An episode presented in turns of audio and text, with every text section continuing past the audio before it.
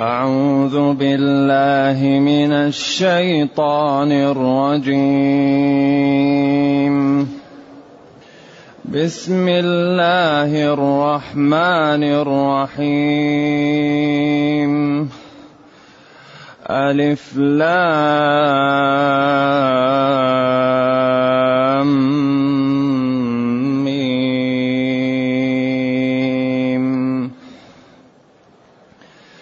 تلك آيات الكتاب الحكيم.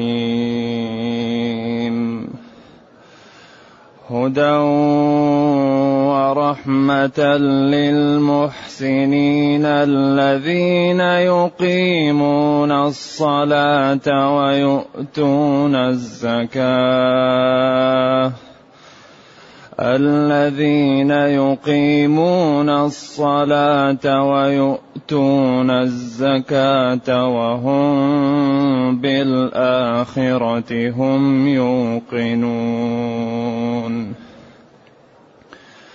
وهم بالآخرة هم يوقنون أولئك على هدى من ربهم أولئك على هدى من ربهم وأولئك هم المفلحون. ومن الناس من يشتري لهو الحديث ليضل عن سبيل الله بغير علم ليضل عن سبيل الله بغير علم ويتخذها هزوا. ويتخذها هزوا أولئك لهم عذاب مهين. وإذا تتلى عليه آياتنا ولى مستكبرا كأن لم يسمعها ولى مستكبرا كأن لم يسمعها كأن في أذنيه وقرا كأن في أذنيه وقرا فبشره بعذاب أليم فبشره فبشره بعذاب أليم. فبشره بعذاب أليم. إن الذين آمنوا وعملوا الصالحات لهم لهم جنات النعيم خالدين فيها. خالدين فيها وعد الله حقا وهو العزيز الحكيم. خلق السماوات بغير عمد ترونها وألقى في الأرض رواسي أن تميد بكم وبث فيها من كل دابة وأنزلنا من السماء ماء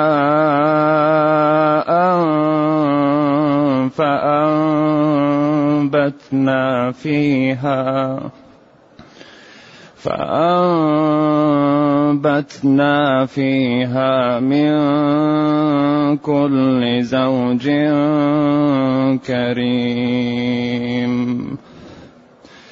هذا خلق الله. هذا خلق الله فأروني ماذا خلق الذين من دونه. فأروني ماذا خلق الذين من دونه بل الظالمون في ضلال مبين. الحمد لله الذي أنزل إلينا أشمل الكتاب وأرسل إلينا أفضل الرسل وجعلنا خير أمة أخرجت للناس. فله الحمد وله الشكر على هذه النعم العظيمة والآلاء الجسيمة. والصلاة والسلام على خير خلق الله وعلى آله وأصحابه ومن اهتدى بهداه. أما بعد فإن هذه السورة تسمى سورة لقمان وهي من السور المكية. إلا ثلاث آيات قالوا إنها نزلت بالمدينة. وسبق الكلام على الحروف المقطعة وعلى البسملة. وتكرر. تلك آيات الكتاب الحكيم. تلك إشارة للبعيد المؤنث. آيات جمع آية. وهي العلامة والحجة والبرهان. الحكيم المحكم المتقن. الذي يضع الأمور في مواضعها. اذا ألف لام ميم هذه الحروف المشار إليها بتلك هي المكون منها آيات الكتاب الحكيم. وفي هذا نوع من التحدي والبيان. نعم. هدى ورحمة هدى ورحمة. أي تلك إشارة إلى آيات الكتاب الحكيم في حال كونه هاديا ورحمة ويكون العامل للإشارة. أشيروا إليه أو أمروا إليه أو تأملوه في حال كونه هاديا ورحمة. أو تلك آيات الكتاب الحكيم هو هدى ورحمة على أن يكون استئناف. وكل قرئ قراءة صحيحة متواترة سبعية هدى ورحمة للمحسنين.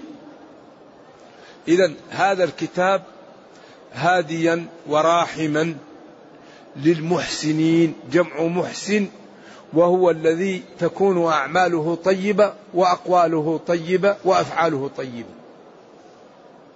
يعني لا يعمل إلا طيب ولا يقول إلا طيب هذا هو المحسن. يعني يحسن في في قوله وفي فعله.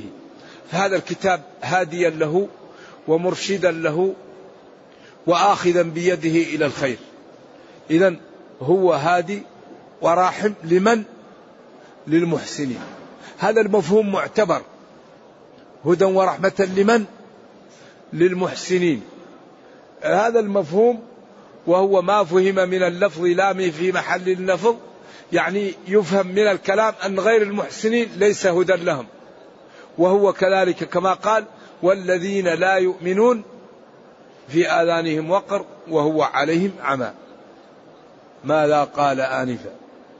فهذا الكتاب يهدي من وفقه الله ومن جعله محسنا ومن جعله يسمع ومن جعله يستمع ومن جعله يتأمل ومن جعله يقرأ ومن جعله يحاسب نفسه. أما الذي يسير وراء شهواته ويجعل إمامه ما يحبه هذا الكتاب ليس هدى له. اذا هدى ورحمة للمحسنين. المحسنين جمع محسن والمحسن هو الذي تكون أعماله طيبة. أي عمل يعمله لا يقل عن أن يكون مباح. إما مباح أو مندوب أو واجب. هذا المحسن. لا يعمل مكروه لا يعمل إيش؟ حرام. لا يعمل خلاف الأولى. ولذلك هؤلاء المحسنون هذا الكتاب يرفعهم ويعزهم ويمتعهم ويحميهم. ويغنيهم ويعطيهم منابع العز منابع الرفعة منابع المتعة منابع كل شيء لأن هذا الكتاب تبيان لكل شيء معجزة خالدة. فالمحسنون يجنون منه يخرفون منه. كل واحد يغرف بمغرافه من هم المحسنون؟ الذين يقيمون الصلاة. يقيمون الصلاة. إقامة الصلاة تلتزم 14 ركن. تسعة شروط.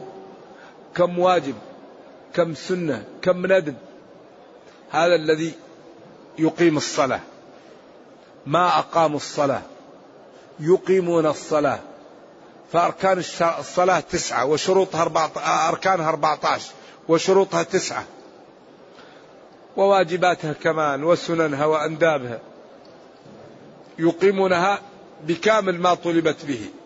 فإذا قام العبد الصلاة كاملة بإذنه تعالى تكون الصلاة كالجبل يحول بينه وبين المعاصي.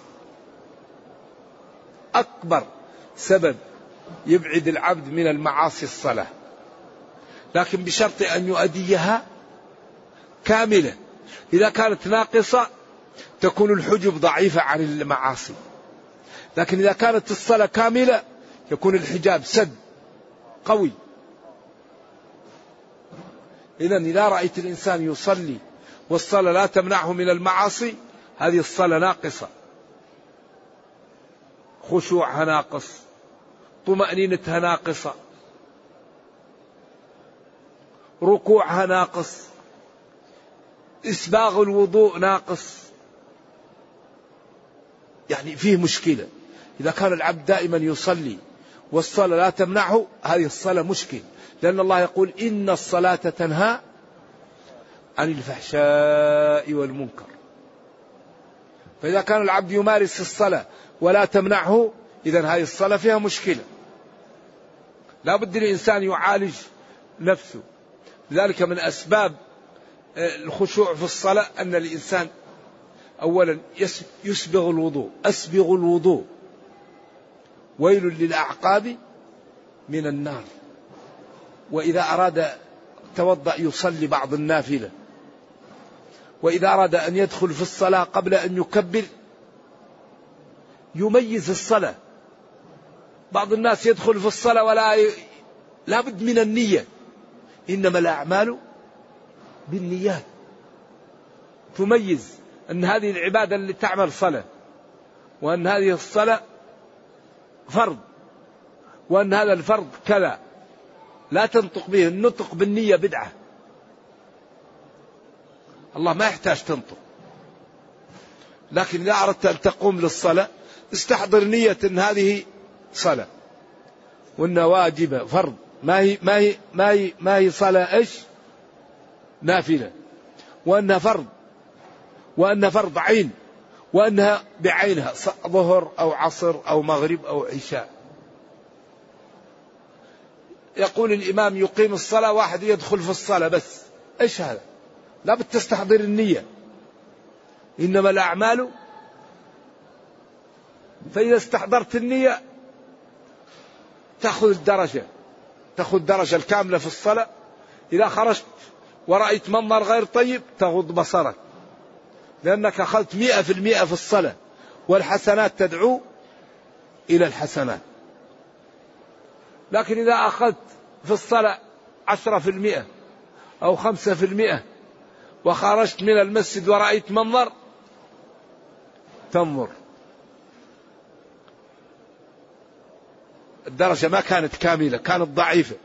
إذا حاجب القوة عن النظر يبقى ضعيف. ولذلك لرحمة الله بنا أعطانا جرعات وراء بعض. لأن وخلق الإنسان ضعيفا. هذا برحمته بنا. تأخذ جرعة الصباح. فلما يكون الظهر تبدأ تضعف تأخذ جرعة الظهر.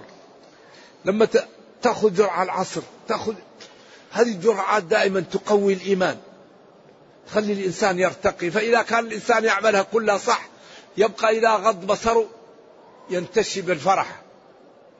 إذا ترك الغيبة يفرح. إذا تصدق يفرح. تبقى إذا قام بأعمال الطاعة يجد النشوة ويجد الفرح أنه امتثل أمر الله وأصبح عبدا مطيعا لله فيكون فرحه كله بطاعة الله. ليش؟ لأنه فعل الطاعات على الطاعات على الطاعات. فانصقل الإيمان وقوي. فأصبح الإيمان في القلب قوي. خلاص وأصبحت الشياطين وأصبح الشهوة. هذه ضعيفة. فعل الإيمان. فعند ذلك تعلو همة الإنسان ويصبح من عباد الله الصالحين. فما أراده أعطاه له ربه وأسعده وأغناه وحماه. وإذا جاءه أحد الشياطين يريد أن إيش؟ أن يؤذيه حماه الله منه. من عادى لي وليا فقد آذنته بالحرب. لكن هذا لا يكون إلا بعد بعد ماذا؟ المكابدة المجاهدة. والذين جاهدوا والذين جاهدوا فينا جاهدوا فينا. والله لنهدينهم سبلنا طريقنا. إذا هدى للمحسنين الكتاب. الذين يقيمون هدى ورحمة. هادي ورحمة للمحسنين. الرحمة ضد العذاب. رحمه إذا أكرمه. أدخله الجنة. وفقه للخير. بارك له في عمره في ولده في ماله في سمعته. جعل له الذكر الحسن قبل أن يموت. من أكبر نعم الله أن الإنسان كل ما يذكر يقال ونعم. جزاه الله خير. واجعل لي لسان صدق آخرين. كل ما ذكر يذكر. هذه نعمة كبيرة. هؤلاء الذين هذه صفتهم هم الذين يقيمون الصلاة. أو أعني الذين يقيمون الصلاة. على هدى من ربهم. وأولئك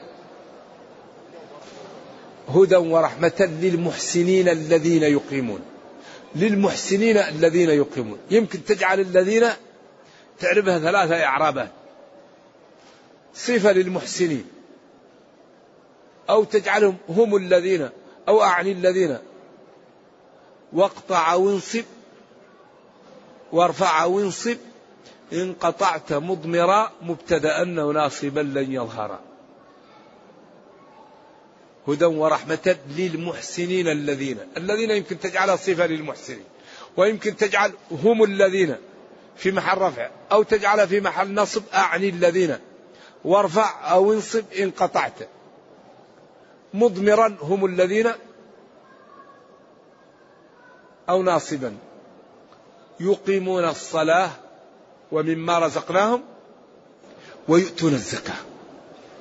يؤدون الزكاة. قرينتها. قال أبو بكر والله لا أفرق بين من منع من ترك الصلاة ومنع الزكاة. فالله قرنهما في الكتاب. ولو منعوني عناقا كانوا يؤدونها لرسول الله لقاتلتهم عليها. يقيمون الصلاة ويعطون الزكاة. الزكاة المفروضة. لذلك قال بعض العلماء هذه الآية مدنية. لأن الزكاة ما كانت إيش؟ في مكة. وبعضهم قال الزكاة أعم من الزكاة. هو تزكية النفس وإعطاء إيش؟ وأنها كان هناك مطلوب إعطاء من المال وإن كان غير محدد. والزكاة معروفة ومبينة. وموضحة ولو أعطى أغنياء المسلمين الزكاة لما بقي فقير بين المسلمين. لو أخرج الأغنياء زكاة أموالهم ما بقي فقير. لكن الشيطان يقعد لبعض الناس في الزكاة لأن فيها بركة وفيها طهارة للمال وفيها تنمية له وفيها إصلاح له. فالشيطان يقف في وجه الزكاة. لو يعطي بعض التجار مليون ما عنده مشكلة لكن الزكاة صعبة. ليش؟ لأنها فيها فيها فيها طهارة المال. خذ من أموالهم صدقة تطهرهم. لذلك أصعب شيء الزكاة لأن فيها خير لصاحبه لصاحب المال وللمال. تطهر صاحب المال وتنمي المال. ولذلك قال وصل عليهم آل أوفى. اللهم صل على آل أوفى. إذا جاءوا بزكاتهم يدعو لهم. صل عليهم ادعو لهم. بارك الله لكم في أموالكم وتقبل صدقاتكم. هذا دين رائع رائع. يعطي جرع بعد جرع. وهذه الزكاة نعمة ورحمة. لو لم يعطي الأغنياء الزكاة لأكلوهم الفقراء. لأن الفقير غضبان على الغني. قلبه مليء وهذا فضل الله يعطيه من يشاء لكن ليس بيده شيء هذا عنده مال وهذا ما عنده مال كيف ما يعطيني ذلك الله أوجب على الأغنياء جزء من مالهم قليل للفقراء حتى يطفئ ما في قلوبهم من إيش؟ من ال وهذا أمر لا يملكه الإنسان لأن الإنسان إذا كان ما عنده مال وحوله واحد عنده مال دائما تجد الذي لا يخاف الله يقع في نفسه شيء. شاء أم أبى.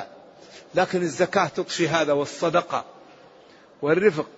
ولذلك الغني الشاكر والفقير الصابر فرسيرها. لأن هذه ابتلاءات. الغني الشاكر والفقير الصابر فرصيرها كلهم له درجات عالية. هذا الغني إن شكر وهذا الفقير إن صبر. لكن الفقير إن لم يصبر والغني إن لم يشكر أيضا فرسيرها في, في, في, في السوء. ذلك هذه الأمور ابتلاءات. لا علاقة للغنى بالمحبة ولا بالكرامة ولا علاقة للفقر بالإهانة ولا بالعذاب. لا هذه ابتلاءات. ونبلوكم بالشر والخير ابتلاء. يبتلى بالمال يبتلى بالغنى يبتلى بالعلم يبتلى بالفقر يبتلى بالمرض يبتلى بالمصائب. هذا يرفع بهذا وهذا يرفع وهذا. يعني قضايا ابتلاء ولذلك خلق الموت والحياة ليبلوكم. نعم.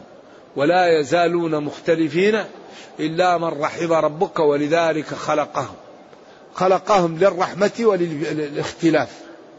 نرجو الله السلامة والعافية.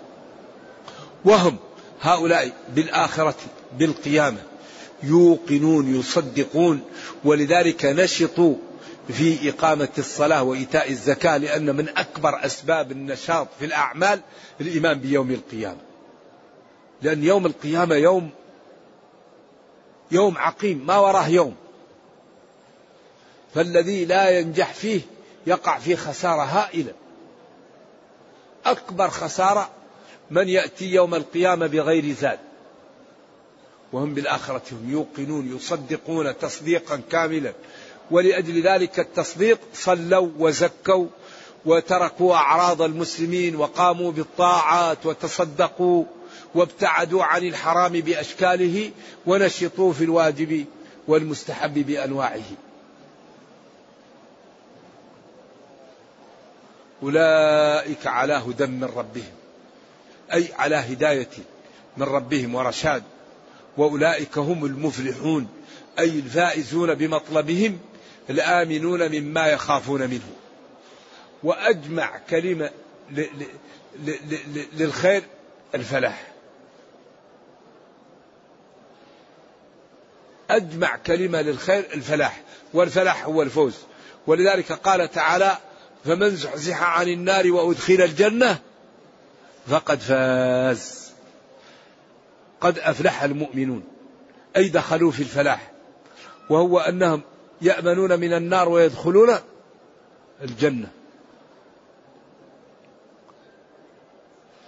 ثم انتهى وصف هذه الشريحة وأتى بشريحة أخرى فاسدة بعد أن بين هذه الشريحة وبين ما لها وبين صفاتها أتى بشريحة أخرى.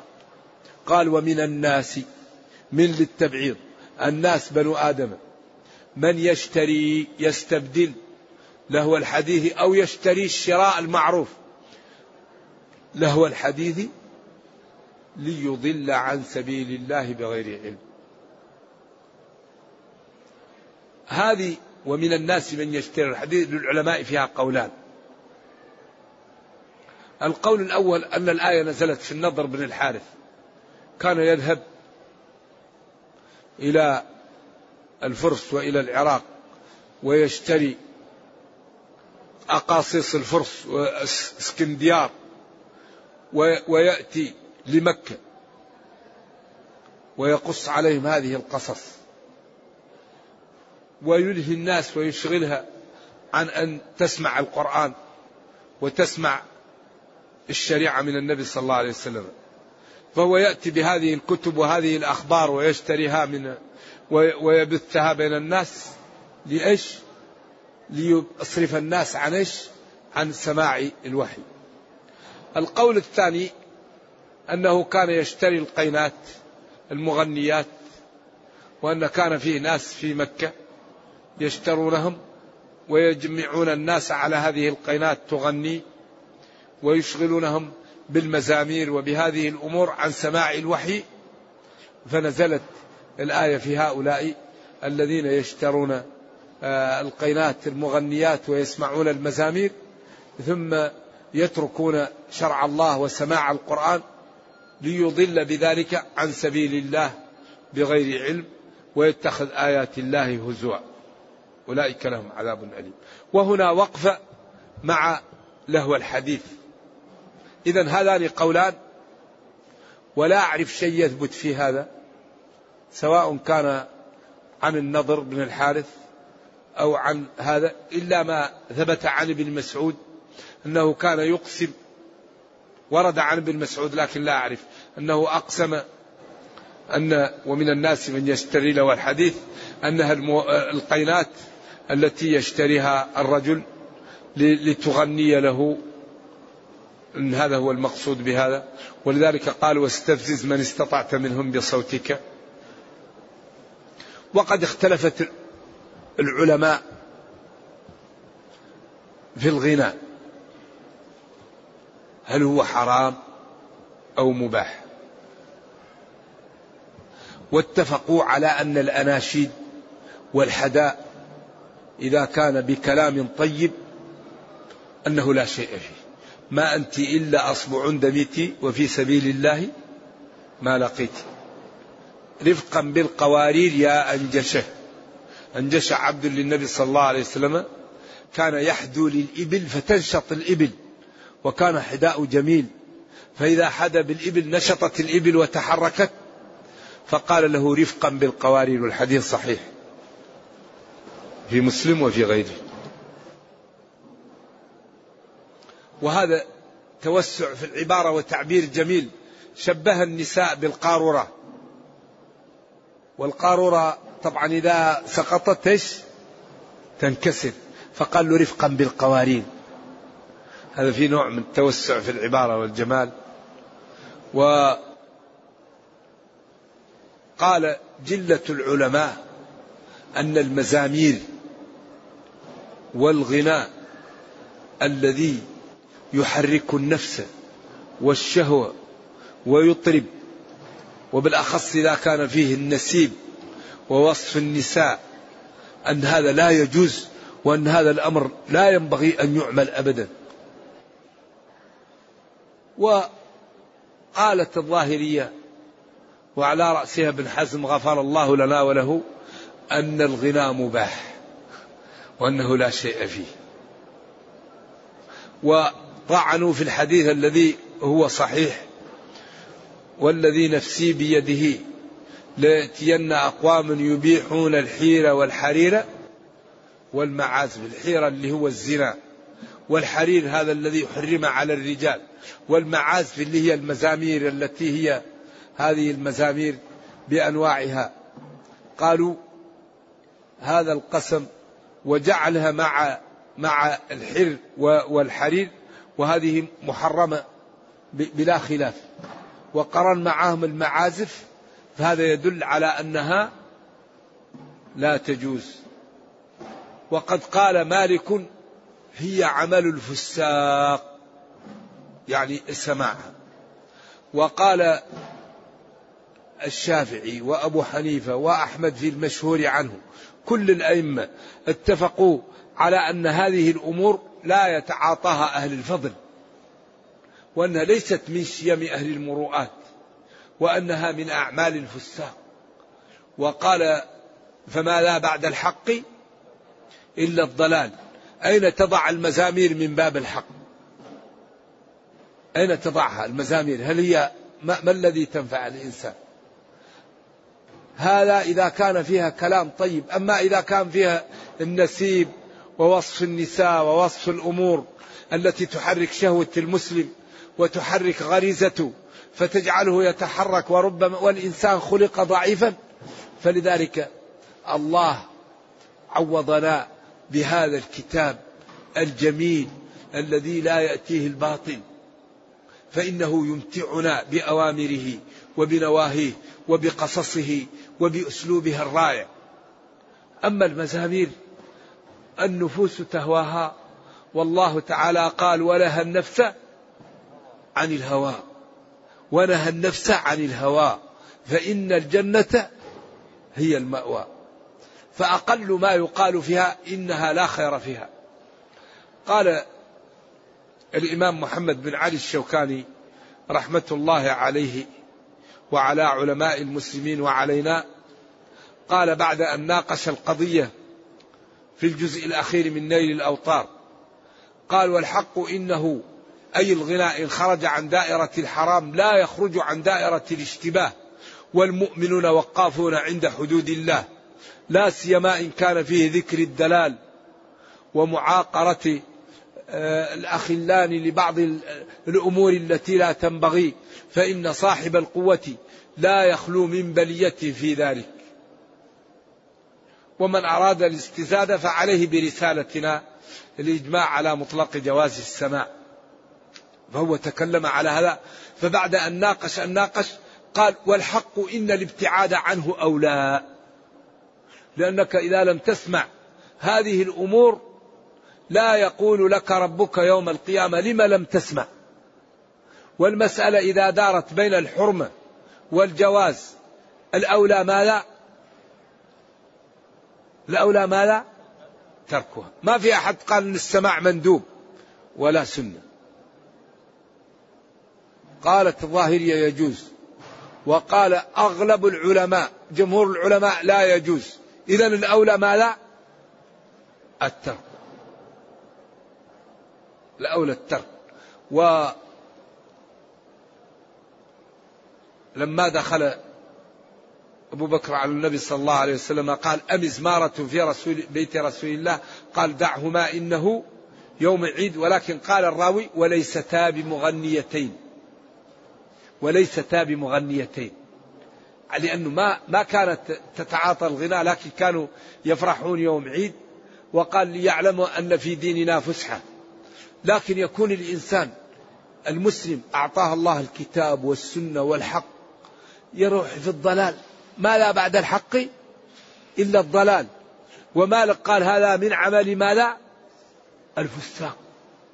لا يتعاطاها الم... اتفق الأئمة على أنه ليس من, من, من أعمال أهل الفضل. المسلم ما يريد أن يكون من أهل الفضل. ولذلك لا خير فيه والبعد عنه أبعد. ولذلك الحلال بين والحرام بين. وبينهما أمور فمن اتقى فمن استبرأ لدينه إيش؟ أيوه يترك هذا الأمر. ومن ترك شيئا لله الله لن يضيعه وعوضه. وجاء الذي الشاعر الذي قال الحمد لله إذ لم يأتني أجلي اللي هو من قال هذا البيت؟ اللي هو أظن هو القائل القصيدة اللي هو ألا تسألان المرء ما لا يحاول؟ أنحب فيقضى أم ضلال فباطل؟ حبائله مبثوثة في سبيله ويفنى إذا ما أخطأته الحبائل. المهم شو اسم الشاعر هذا؟ لبيد. ولذلك قالوا له ألم تقل الشعر؟ قال أبعد سورة البقرة؟ ولذلك قالوا لم يقل في, في, في الإسلام إلا بيت واحد. الحمد لله إذ لم يأتني أجلي حتى اكتسيت من الإسلام سربالا. ولذلك قالوا أصدق بيت قالوا ألا كل شيء ما خلا الله باطل وكل نعيم لا محالة زائل قالوا إلا نعيم الجنة. أو قالوا هذا في الدنيا. وكل أناس سوف تدخل بينهم دويهية تصفر منها الأنامل المهم هذه الأبيات لما قيل له ألم تقل شعرا؟ قال أبعد سورة البقرة. ألم يغنيني الله بالقرآن؟ لذلك نحن أعطانا الله القرآن والشعر والغناء وهذه الأمور كلها لا خير فيها. لأن يمتلئ جوف أحدكم قيحا يريه خير له من أن يمتلي شعرا.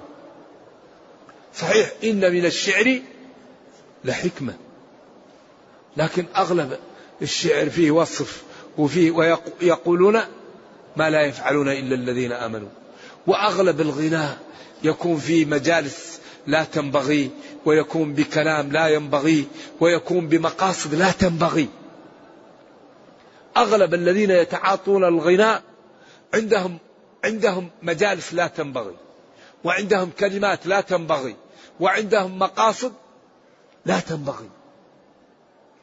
فالقضية تحاط بكل أمور مشاكل. فلذلك العاقل يبتعد.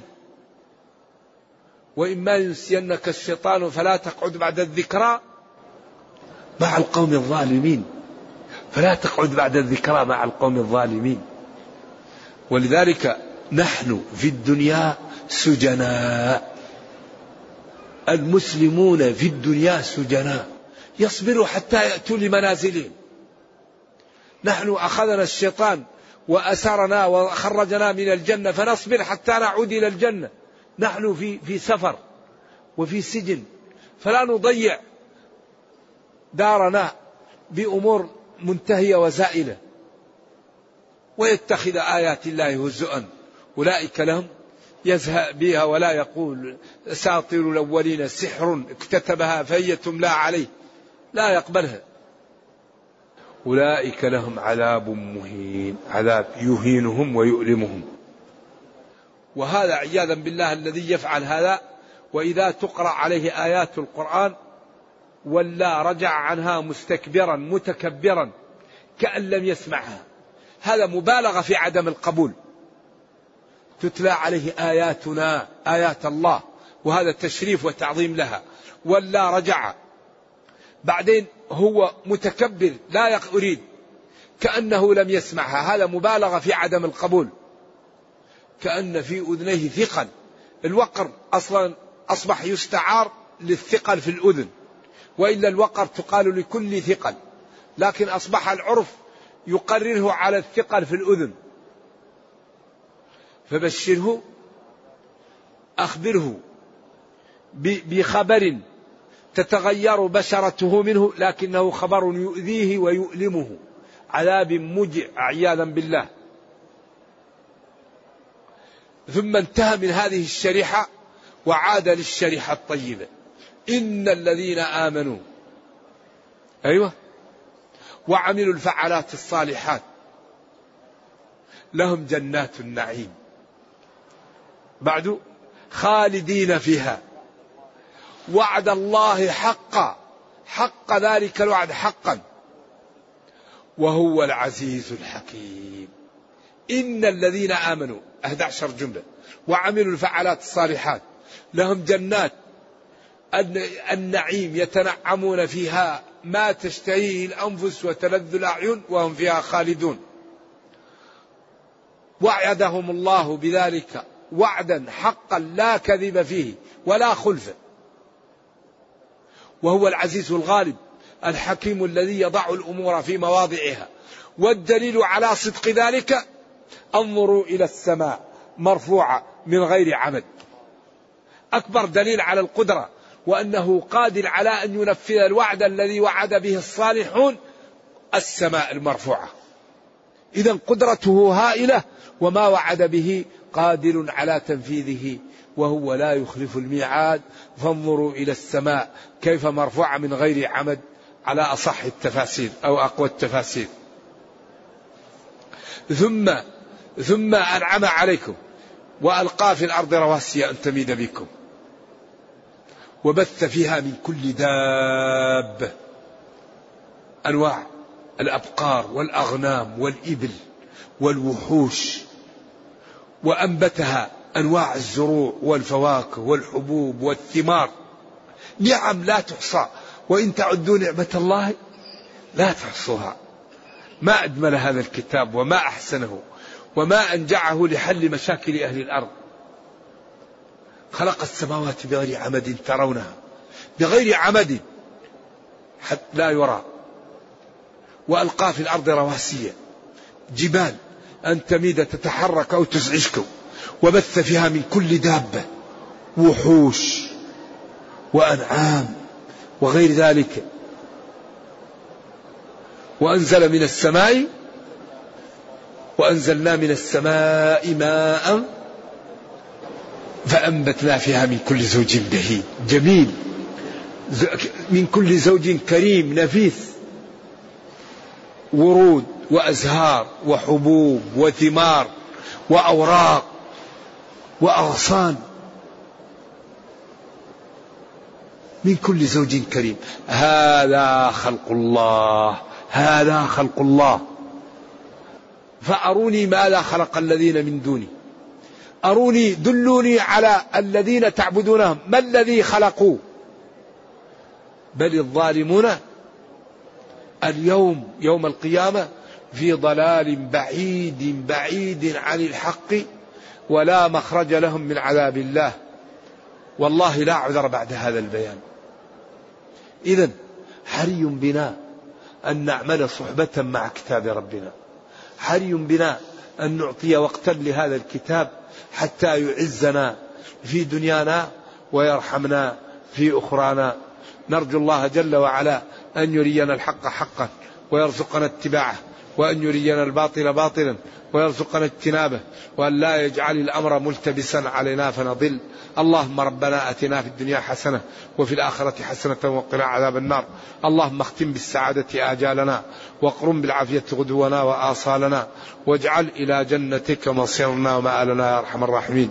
سبحان ربك رب العزة عما يصفون وسلام على المرسلين والحمد لله رب العالمين. والسلام عليكم ورحمة الله وبركاته.